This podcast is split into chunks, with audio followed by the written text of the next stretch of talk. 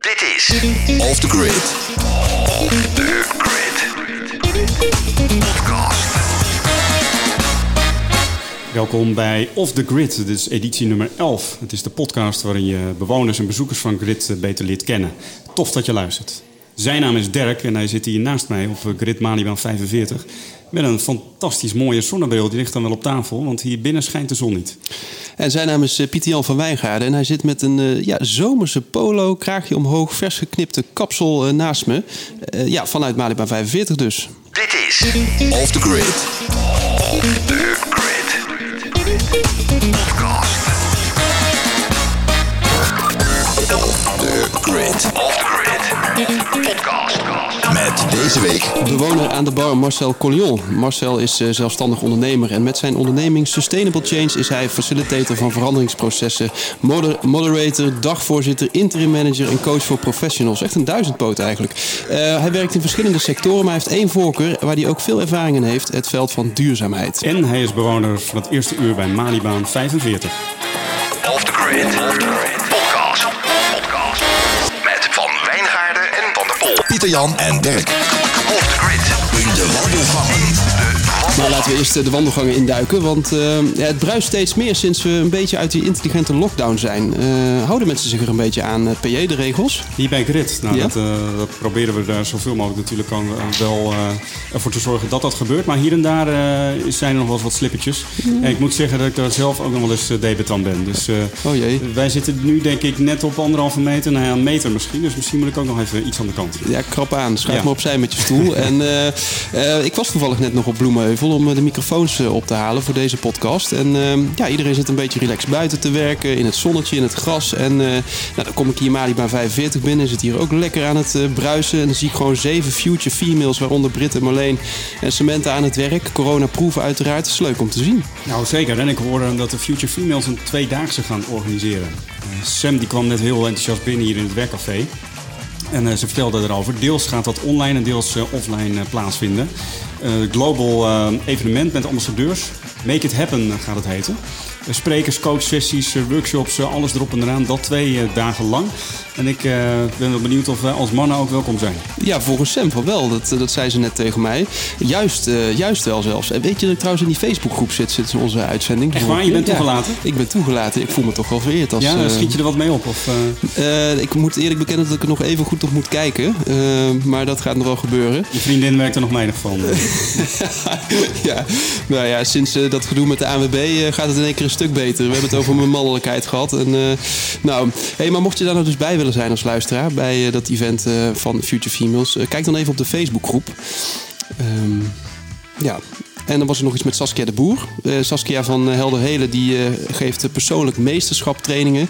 Eh, dat gaat over het doorbreken van patronen een dag lang.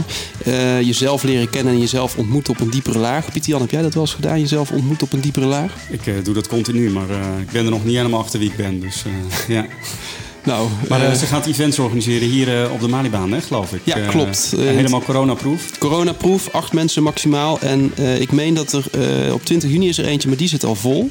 En op 11 juni is er ook nog eentje. Daar zijn nog vier plekken voor over. Nou, mocht je daar dus bij willen zijn, ga dan even naar helderhelen.nl slash training. En daar vind je meer informatie. Ja, en mocht je veel op Bloemenheuvel komen, dan kan het zijn dat je de komende tijd Lenneke van Malibaan 45 ook wat vaker ziet. We moeten wat schuiven met personeel in verband met eh, corona, omdat eh, ja, met name eh, ons personeel ook eh, continu bezig is met koffie zetten en dergelijke. En Lenneke wil zich ook wat meer verdiepen in hoe het gaat bij, eh, op Bloemenheuvel, mensen daar leren kennen. Dus iedere donderdag in ieder geval zie je daar zowel Sharon als Lenneke. Superleuk. Hey, en Pieter Jan, dan even één ding. Neem ze dan ook die Keen koffie mee naar Bloemenheuvel? Ja, dat zou toch wel echt super vet zijn, hè? Want Ja. ik zie hem, je hebt hem in je hand, maar heb hem die in mijn eh, handen. smaakt prima, hè? Prachtig.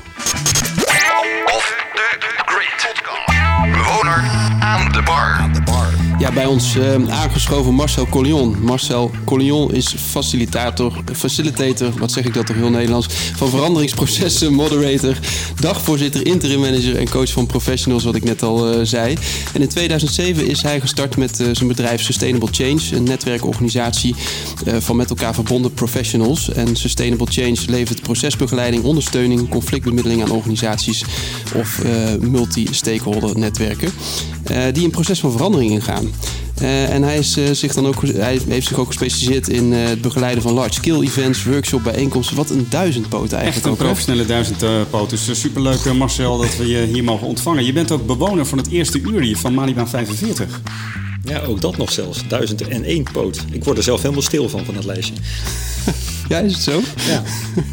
Ik weet niet precies waar in dat verleden ik dat lijstje dan heb opgesomd. En of ik toen heel krampachtig om business zat te zeuren of zo. Maar het is wel een beetje, eh, hoe zeg je dat? Dat je denkt van, kom, Marcel, dat kan wel iets. Ja, Compacter wil je zeggen. authentieker geloof ik. Het is een beetje zoals er wel meer staat op LinkedIn. Ja.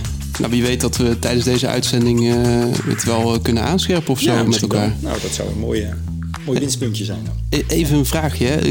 Jan vroeg zich dat af. Collignon is natuurlijk een vrij Franse achternaam. Zeker een Franse achternaam. ja. Kom je inderdaad eh, je voorouders uit Frankrijk? Of, eh? Eh, ja, waarschijnlijk wel. En met Franse namen in Nederland heb je altijd de theorie hugenoten. Ja. Wat niet waarschijnlijk is, omdat veel van de colonions uit mijn familie allemaal uit de katholieke hoek komen. Het is raar als je voor je geloof gereformeerd naar het noorden vlucht en dan hier ineens allemaal katholiek gaat worden. Dat is een beetje vreemd. De tweede theorie is soldaten van Napoleon. En eh, tot 1700, eh, ik was nu met een stamboompje bezig en toen had ik iemand in 1700 nog wat, die was dan geweermaker in Brielen. Dat was dan de eerste, de oudste die ik tot nu toe gevonden had. En eh, verder weet ik het nog niet. Dus dat, eh, maar het is zo ongetwijfeld uit Frankrijk.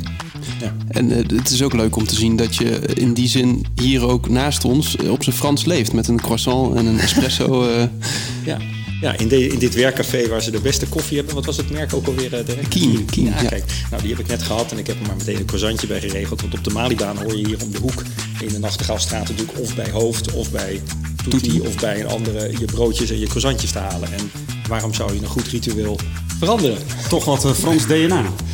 Ja, Hey, eh, Marcel, tijd om ook wat meer kennis te maken met jou. Ehm, we hebben een aantal stellingen voor jou. Dus het idee is dat je daar vrij snel eh, op antwoordt. oh bah, de eerste is espresso of cappuccino? espresso, pizza of thai? taai, Kelder of zolder? zolder. Kantoortuin of cubicle? Deze kantoortuin, De tuin van Manibal 45, hij wijst hier eh, eh, zeg maar naar de ramen. Dus eh, voor, eh, voor jou als luisteraar. Eh, Spa rood of spa blauw? blauw. Een eh, goed conflict of een gezellig gesprek? Is er een verschil tussen? Dirk of Pieter Jan?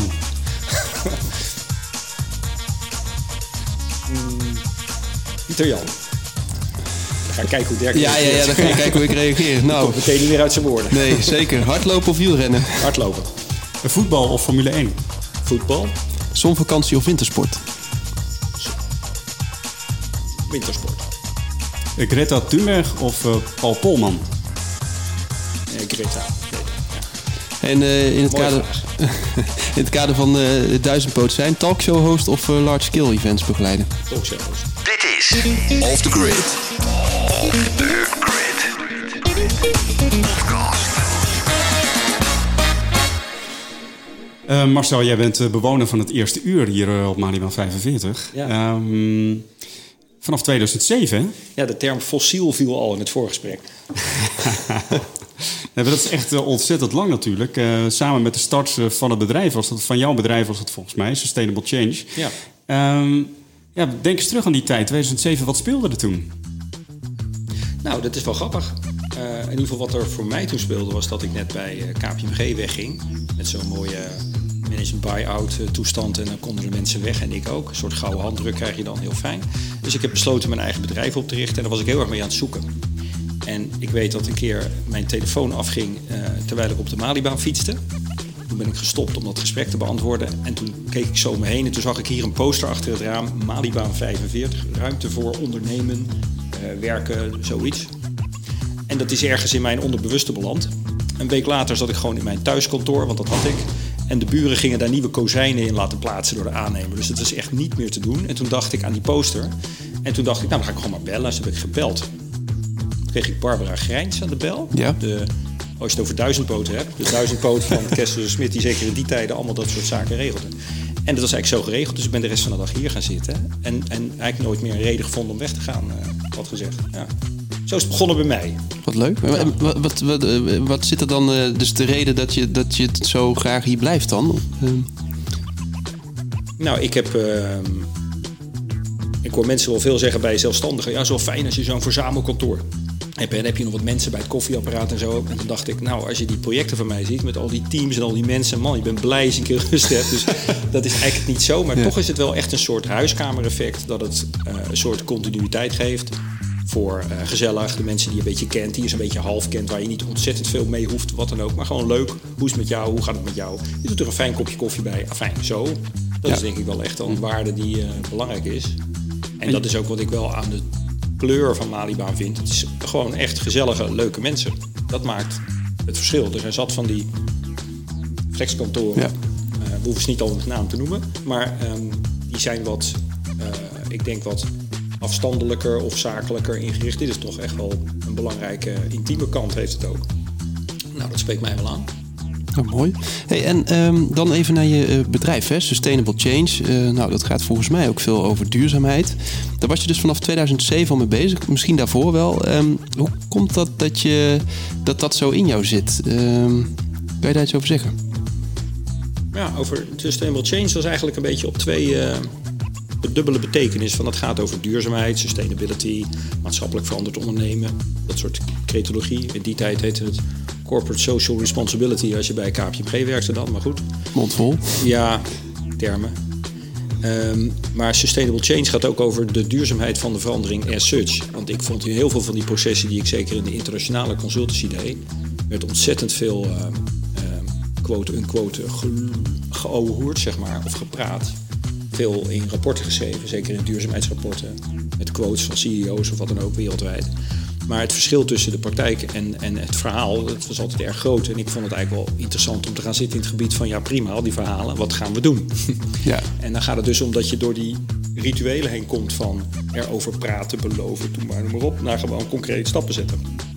En dat is eigenlijk de tweede betekenis van Sustainable Change. Ik wil ook graag als ik projecten doe, dat dat ook echt gebeurt. En als ik wegga, dat het blijft. Dat het niet zo is Ja. van, oh ja, we hebben weer een consultant of een facilitator, of hoe je het noemen wil, gehuurd, die wat dingen doet. En daarna gaan we over naar het- ons oude gedrag. Dus het gaat echt om transformatie van cultuur en gedrag. Niet dat ik dat toen al snapte, maar dat ben ik na een verloop van tijd wel ingezien dat dat eigenlijk is wat ik, waar ik probeer wat aan bij te dragen. Ja, Marcel, eh, eh, deze dagen is eigenlijk iedereen bezig met sus- sustainability. Hè? Maar 2007 was. Interessant, vind je dat? Ja?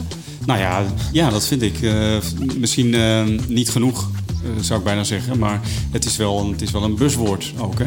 Het is ook een buswoord, maar dan, dan, dan zou ik echt zeggen, zit ik er misschien wat dichter op eh, als je vanuit eh, jouw context kijkt. Maar dat buswoord bestaat al sinds zeg maar de tachtiger jaren. Ja. En ik zie het ieder jaar weer net één decibel hoger geroepen worden. Ja. Dus da- dat verandert allemaal Ja. niet. Maar eh, woorden als vliegschaamte en dergelijke, eh, ja, die zijn pas een, een jaar of twee oud of zo. En jij was toch in 2007 al blijkbaar heel erg bezig met dat sustainability. Ja, en met mij nog een paar miljoen mensen. Bedoel, Ja, dat was tuurlijk, niet echt ja, eh, ja, een kleine club van Rome, is nog van tien jaar daarvoor. Dus op zich is die historie is wel heel lang.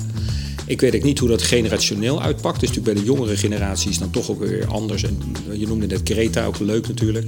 Er zijn ook heel veel dingen veranderd. En ik denk dat er gewoon veel meer aandacht gekomen is. Maar ik vond bijvoorbeeld wel even actueel en dan hebben we die coronacrisis en dan krijg je al die herstelbetalingen, de ideeën van de EU erover, van Nederland. En dan eh, zie je toch dat het een beetje de reflex van de maatschappij toch wel weer is dat we zoveel mogelijk door willen gaan op de oude voet. En niet dit als een soort mogelijkheid zien van kom, wat kunnen we dan nog echt sneller aan een heel ander soort economie opbouwen. Ja. Dus ik, ik, ik kan nog steeds zeg maar, eh, ontevreden of gefrustreerd zijn over dat het nog niet hard genoeg gaat. Nee. Maar goed, dat houdt je natuurlijk ook weer gewoon in je drive om daaraan bij te Ja. dragen. Dus dat is niet erg. Ik word er niet, eh, hoe zeg je dat? Ik word er niet depressief van of zo. Maar ik denk wel van, nou, er liggen nog wel een paar kansen, juist nu, juist deze maanden, die we nog niet genoeg oppakken. Nee, wat dat betreft is corona ook een interessante tijd natuurlijk. Ja. Dus eh, wat voor impact heeft dat op jouw werk? Nou ja, eh, zoals wel meer mensen hier nu in dit werkcafé. Het was een soort bloedbad natuurlijk. Op eh, dag één eh, ging de... Als je je werk doet, vooral in, in sessies, workshops, tweedaagse zijdagen, dat soort dingen.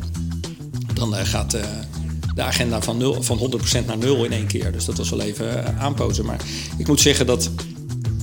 Ja, dat zul je ook wel herkennen. Die, die, zeg maar, de zakelijke dienstverlening as such is natuurlijk op al dat gezoom en gewebex en Teams en zo gedoken. Ja. En dat heeft denk ik eh, veel eh, business wel gered. En dat gaf ook al, het vond ook wel een beetje een soort armoede van. Alsof we alleen nog maar konden denken dat je bijeenkomsten kon doen... om met z'n allen achter een schermpje te gaan zitten. Wat een, dat, jullie doen radio. Is dat niet veel leuker, zou ik dan zeggen? Zullen we dat dan maar gaan doen?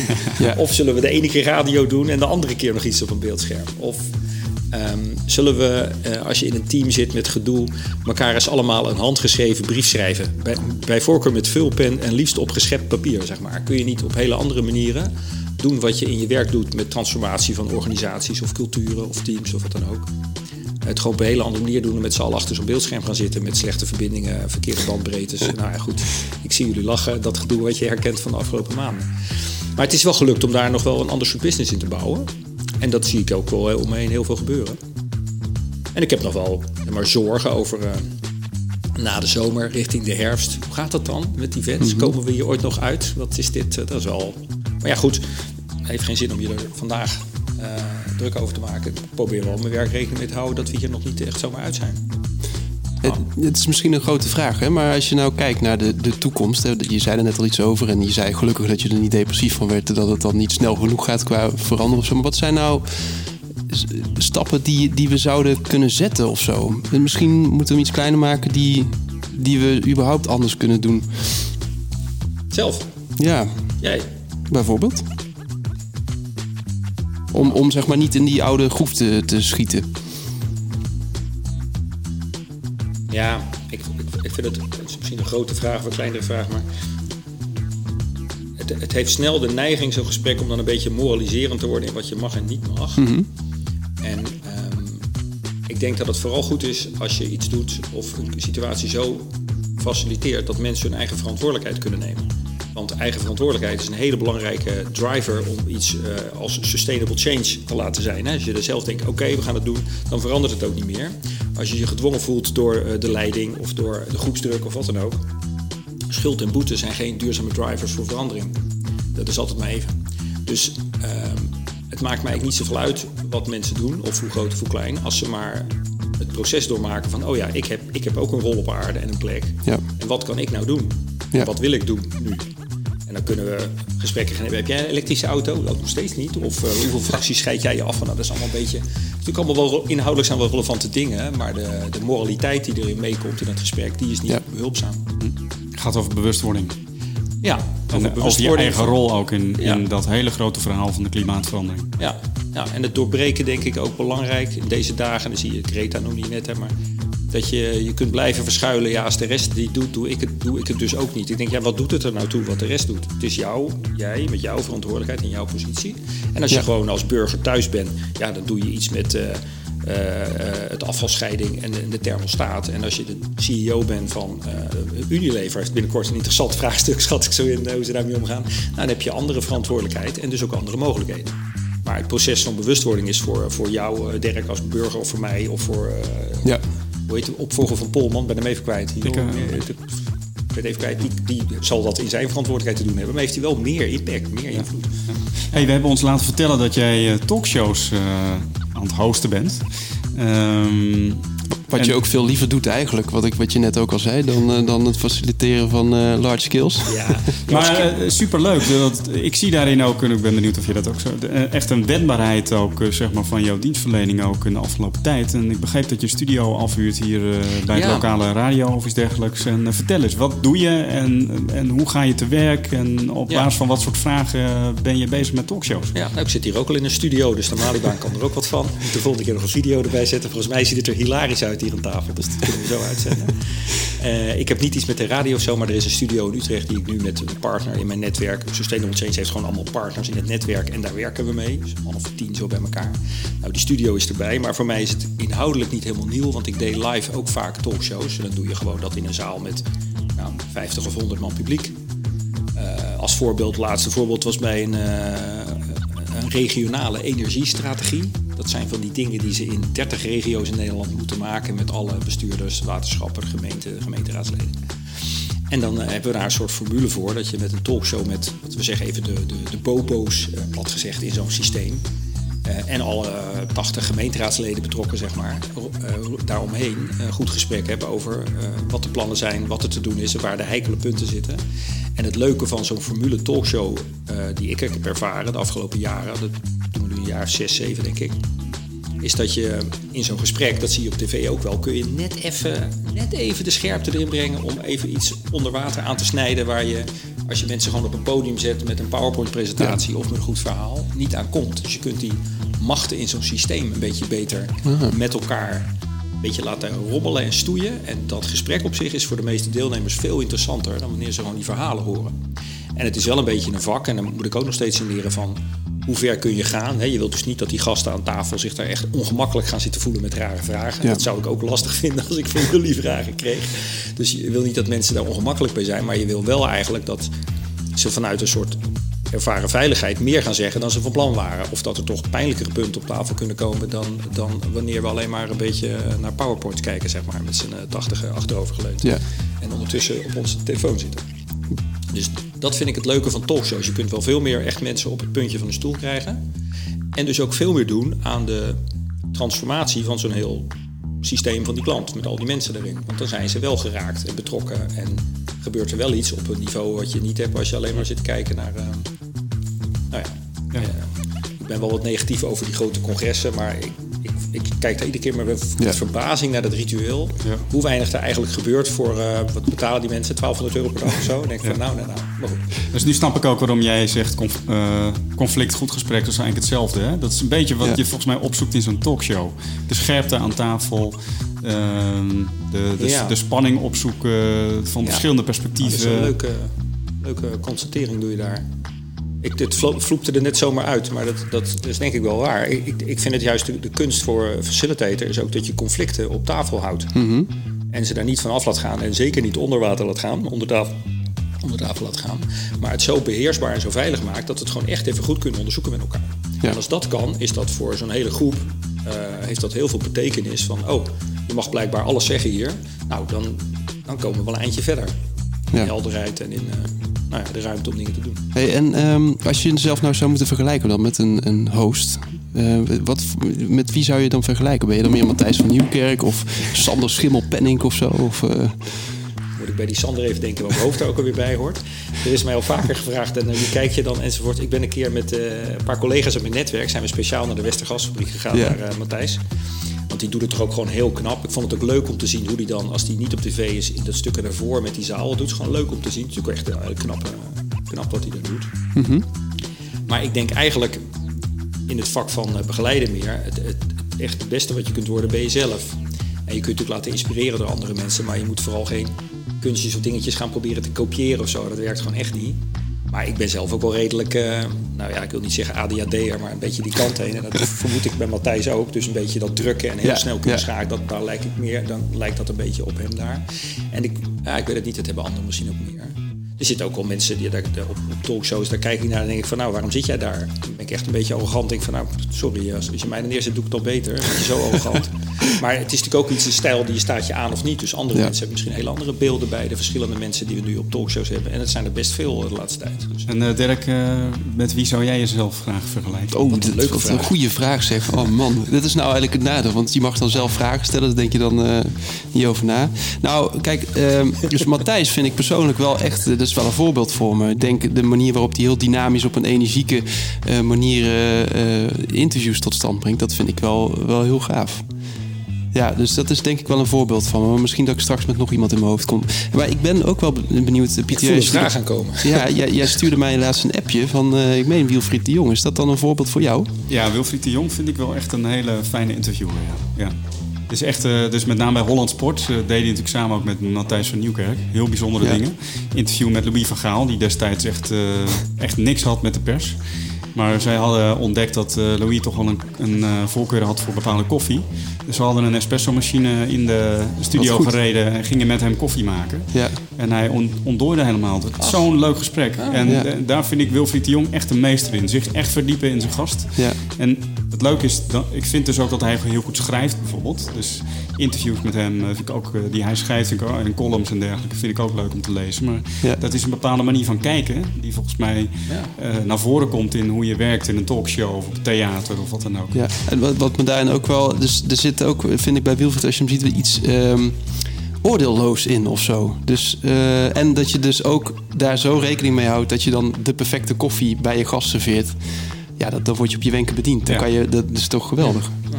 Leuk voorbeeld dat je geeft van die Wilfried dan. Ja. Wat voor mij aanleiding geeft, dan moet ik er nog even gaan zoeken op internet. Even een filmpje pakken, even kijken wat hij Ja, doet. Dus ja dat, tip. dat is waar ik eh, het begrip eh, Café Cortado heb ontdekt. Want Ah. ik wist niet dat dat bestond. Maar dat is dus een espresso met een heel klein beetje schuim. En dat is een Ja. Spaanse koffie. Ja. Die eh, de Wii in Barcelona blijkbaar veel dronk. Oh, dat was man. zijn favoriete. In Argentinië heb ik die ook heel veel gedronken in Buenos Aires. Ja. Hey Marcel, om af te sluiten. Ik ben wel benieuwd. Wat is, wat is een droomproject wat jij nog eens zou willen doen? Welke vraag zou je nog wel eens willen krijgen? The next level question. Ik zat een paar maanden geleden, dat was nog even voor corona, te dubben over eh, was de nieuwe Green Deal van de Europese Commissie. En ik dacht, eh, ik, heb, ik doe veel met allerlei bedrijven en organisaties, maar de Rijksoverheid is op het moment eh, wel de grootste klant. En ik wilde eigenlijk wel eens naar de EU. Omdat ik daar, laten we zo zeggen, heel veel mogelijkheden zie. Ja, om het diplomatiek te zeggen. En dan zou ik bijvoorbeeld wel contact willen met Frans Timmerman en zeggen: joh, kan ik je ergens mee helpen? Want het moet echt.